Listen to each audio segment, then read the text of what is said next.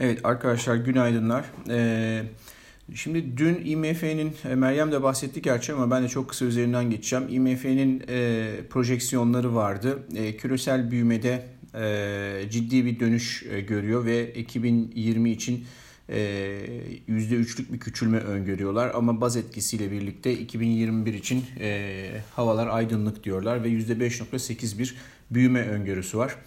Evet Şimdi burada önemli olan benim açımdan baktığım, e, önemli bulduğum konu 2009'daki e, küresel büyümeyi bile e, küresel büyüme bile sadece %0.1 eksi olmuştu. Yani 0.1 küçülmüştü küresel ekonomi. Burası için %3'lük bir küçülmeye bakıyorlar. Dolayısıyla aslında yaşanan sürecin ne kadar zorlu olduğunu bir kez daha onlar da gözler önüne seriyorlar. Şimdi e, bu düşünceyi biraz da destekler bir şekilde dün e, bir piyasa gelişmesi oldu. Şöyle ki e, JP Morgan ve Wells Fargo'nun bilançoları açıklandı. E, bilançolardaki rakamlardan e, bence en çarpıcı olanı e, her iki bankanın da tahsil kabiliyeti düşük kredilerinde çok ciddi e, artışlar dikkat çekti. E, hatta e, bunun şeylerini paylaştım, e, grafik görüntülerini paylaştım. Gerçekten de geçmiş senelere ve geçmiş çeyreklere oranla e, çok çok yüksek e, miktarda e, her iki bankanın da JP Morgan'ın çok daha fazla olmak üzere e, her iki bankanın da e, kötü kredilerinde artış var. Hatta bu artış o kadar yüksek ki JP Morgan e, analist beklentilerinin iki katı kadar yani 8.29 milyar karşılık ayırmış durumda bu krediler için. Şimdi bu niye önemli? Bu iki banka tamam kötü seçimler yapmış olabilir mi? Aslında öyle değil. Şimdi bunun önemli olan tarafı şu. Bu e, Rusya-Suudi Arabistan arasındaki e, petrol krizinin patlak vermesinin hemen ardından yaptığımız yorumlarda şuna dikkat çekmiştik. E, bu kadar düşük fiyatlar e, özellikle enerji sektöründeki e, genç kaya petrolü şirketlerinin e, bunlar leverage ile dönüyorlar, aldıkları kredilerle dönüyorlar. Bu şirketlerin e, borç ödeme kabiliyetlerini çok aşağı çekecektir. Böylece e, bu, bu tür şirketlerin sayısının artması halinde e, piyasa e, bir enerji şirketi krizinden bir bankacılık krizine doğru kayabilir demiştik. Ee, şimdi o durum yok ama e, şu görünen öyle bir durumun da gündeme gelme olasılığını ortaya koyuyor. O yüzden eğer böyle bir duruma dönecek olursak e, çok daha farklı bir resme bakıyor oluruz. E, o yüzden bu seneki bankacılık sektörünün bilançolarının içinden çıkacak bu kötü kredilerle ilgili notlar çok önemli. Onları yakından takip etmemiz gerekiyor. Şimdi bu olumsuz gelişmelerin yanı sıra Trump'ın ekonomiyi e, beklenenden erken açma planına Avrupalı liderler de katılacak gibi gözüküyor. E, baktığımızda Covid-19 vakalarının ve ölüm oranındaki azalışa bağlı olarak Angela Merkel dün normale dönüş planını görüşmek üzere eyalet liderleriyle bugün bir toplantı yapacak olumlu bir gelişme gibi görülüyor. E, nitekim baktınız mı DAX endeksi e, şu dün %1.25'lik yükseliş kaydetti ama dipten %31 kadar yükseldi. Stox 50 e, Haziran kontratı, kontratı ise %35 yükselmiş vaziyette.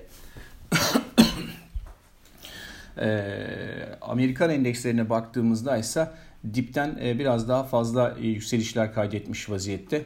Ee, orada primler biraz daha yüksek. Ama her iki tarafta da hem Avrupa'da hem Amerika'da endeksler e, kritik Fibonacci seviyelerine kadar yükselmiş vaziyette. Bu nedenle e, potansiyel bir geri çekilme aralığına gelmiş görünüyoruz.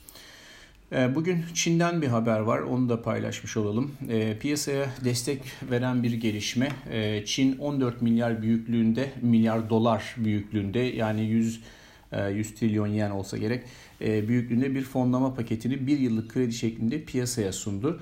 E, bu paranın faizini de %3.15'ten 2.95'e çekerek verdi. Yani ucuz fonlama yaratıyor. Orta vadeli bir destek paketi sağlamış oluyor. Ama buna rağmen Asya seanslı, seansında hisse senetleri e, rally yapmış değil. Bu da biraz daha e, belki yakın zamanda hisselerde bir e, hisse piyasasına bir olası bir geri çekilmenin işaretini veriyor gibi gözüküyor. Şimdi bugün Amerika'da bilançolar gelmeye, gelmeye devam ediyor. Ee, bugün Bank of America, Citigroup, United Health ve Goldman Sachs var.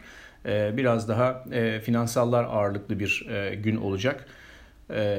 Bu endekslerin de ağırlıkları endeks genel şey, bu hisselerin ağırlıkları endeksler içerisinde fena değil. Dolayısıyla kötü gelirse eğer önceki iki örnek gibi endekslerde biraz satışa neden olabilir diye düşünüyorum.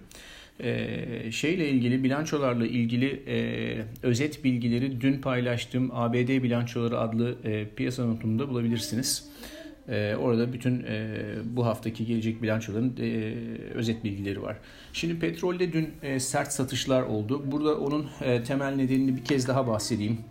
Bu kontango işi e, piyasadaki kontango fiyatlaması burada temel nedenlerden bir tanesi. Yani yakın vadenin e, ucuz uzak vadelerin daha pahalı olması.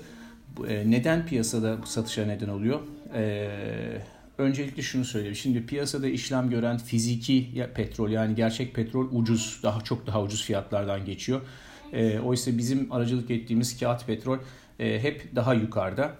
Ee, tabii şimdi birinci vade ile ikinci vade arasında yani Ma- Mayıs ve Nisan arasında yaklaşık 7 dolar 20 centlik bir fark var. Ee, bu da şunu getiriyor.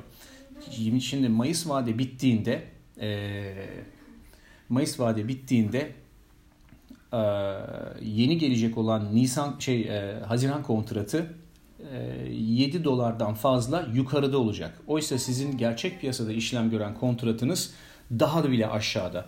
Dolayısıyla dengeyi sağlamak amacıyla piyasanın yaptığı ilk şey aktif vadenin Haziran kontratı olması halinde hızlıca bu kontratı aşağı doğru sallayıp aradaki farkı minimize etmek yönünde oluyor. Ee, dolayısıyla bu durum bu kontango durumu iyileşmeden yukarı yönlü hareketler son derece kısıtlı kalacaktır. Aşağı yönlü potansiyel çok daha yüksek olacaktır. Nitekim şeye baktığımızda daha önce bu 7 dolar seviyesine kontango çıkmış mı diye baktığımızda 2008-2009 döneminde olmuştu. E, fiyatla karşılaştırdığımızda kontango düzelmeden petrol fiyatları yukarı gitmemişti. Bu da yaklaşık olarak e, şöyle söyleyeyim 3 ay kadar sürmüştü. 2 3 3 e, bakayım 3 ay kadar sürmüştü doğru. E, dolayısıyla e, hala burada aşağı potansiyel görünüyor.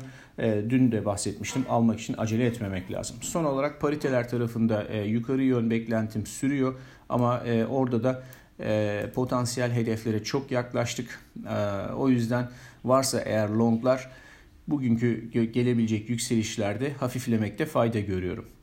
E, bugünlük de bu kadar. Herkese iyi seanslar.